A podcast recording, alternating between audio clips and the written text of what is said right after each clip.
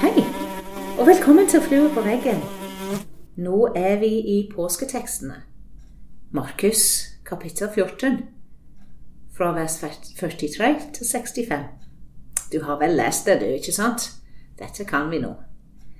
Og jeg har fått en veldig, veldig hyggelig dame på besøk. Kan ikke du si litt hvem du er? Jo, det kan jeg. Eh, navnet mitt er Wenche Stavseth Wilhelm, og jeg jobber som eh, prostiprest i Solamenigheten. Og jeg er kjent for mange her i Tananger menighet. Det er du nok. Du er mer kjent her enn enn meg, kanskje. Du har i alle fall vært her lenger. Men du fikk en utfordring med meg om å lese den teksten og dele dine tanker. Og nå er jeg kjempespent på hva du stoppet opp med, og, og dine tanker rundt det. Ja. Eh, jeg ble spurt om hva jeg stoppa opp med denne teksten, og hva teksten kan bety for oss i dag. Ja. Og den eh, kortversjonen som jeg stoppa opp med, den er jo litt humoristisk. Fordi jeg oppdaga noe nytt med denne teksten. Eh, det har jo alltid stått der, men jeg har liksom aldri lagt spesielt merke til det før. Og det var han unge mannen som ble tatt, og som sprang naken bort. Jeg har liksom ikke festa meg med henne før. Tenkte wow, ja, det gjorde litt inntrykk. Ja. Eh, og min kortversjon på hva det kan bety for oss, det er at om du føler deg aldri så tatt, fanga, avkledd, fysisk eller mentalt, er Jesus likevel så glad i deg at han valgte korset. Er ikke det flott å tenke på det? Ja. Eh, så det var kortversjonen. Men for en selvutnevnt påskevenn så gjør klart hele settingen i denne teksten et sterkt inntrykk. Ja. Mm. Og rett før vår tekst så hører vi at Jesus var grepet av angst og gru. Hans sjel var tynga til døden av sorg, og han trengte disiplene, vennene, ved sin side til å våke med ham. Men de greide ikke å holde seg våkne. Nei. Og Jesus ber i fortvilelse, tror jeg, til sin far. Alt er mulig for deg, ta dette begeret fra meg. Men ikke som jeg vil, bare som du vil. Og disiplene, de sovna tre ganger da Jesus trengte dem som aller mest. Ikke sant. Det er så trist. Ja, de svikta da det gjaldt. Mm. Men Jesus ble likevel klar for den tunge oppgaven som endte han. Og han sa nå er det avgjort, timen er kommet. Menneskesønnen skal overgis i synderes hender. Og han som skal få råd, er nær. Ja. Og så kommer teksten vår da, om da Jesus blir tatt til fange. Og om Judas som kommer inn i hagen med en flokk som var væpna med stokker og sverd. Og han kysser Jesus som det avtalte tegnet.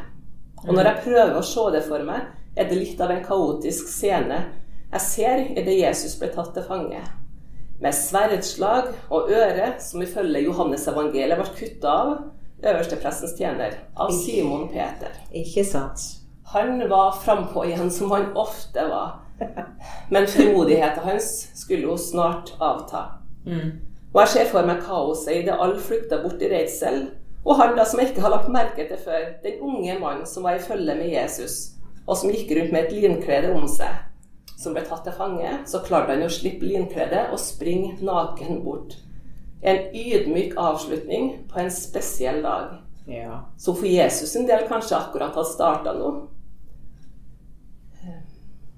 Og jeg har tenkt, hadde dette vært en oppdikta historie, så tror jeg ikke den hadde sett slik ut. Den er litt for spesiell til det. Så jeg tenker at de her liksom spesielle tingene som skjer, er med på å tenke at det her tror jeg virkelig har skjedd. da. ja. Dette med øret og dette med å, å, å miste klærne Du hadde ikke dikta opp noe sant hvis du skulle skrive en Nei. Og dikte opp om at du svikter og sårer din beste venn. Ikke sant? Ja. ja. Og så blir jo Jesus satt til fange. Føres til øverstepresten, alle overprestene, de eldste, de skriftlærde. Og Peter som følger etter på lang avstand. Sniker seg inn på gårdsplassen til øverstepresten, hvor han varmer seg ved bålet sammen med vaktene. Han var modig, i alle fall da. Det var han. Eh, og sjøl om han var redd, så hadde han nok lyst til å på en måte eh, være i nærheten og se hva som skjedde. Ja. Så blir jo Jesus møtt med mange falske anklager, og øverstepresten spør har du ikke noe å si til de anklagede for. Og Jesus er helt taus, sier ingenting. Og igjen blir han spurt, er du Messias, sønn av den salvede? Og så svarer Jesus, jeg er det. Og dere skal se menneskesønnen sitt ved kraftens høyre hånd og komme med himmelens skyer. Og da flere øversteprestene kappa si, hva skal vi nå med vitner? Her hører dere Guds bespottelser. Han sier det sjøl. Ja. Hva mener dere? Og alle fant Jesus skyldig til å dø. Og så slutter teksten vår med at Jesus ble håna, spytta på, slått, piska. Og jeg tenker med meg sjøl, de skulle bare ha visst hva de nå satte i gang. Ikke sant.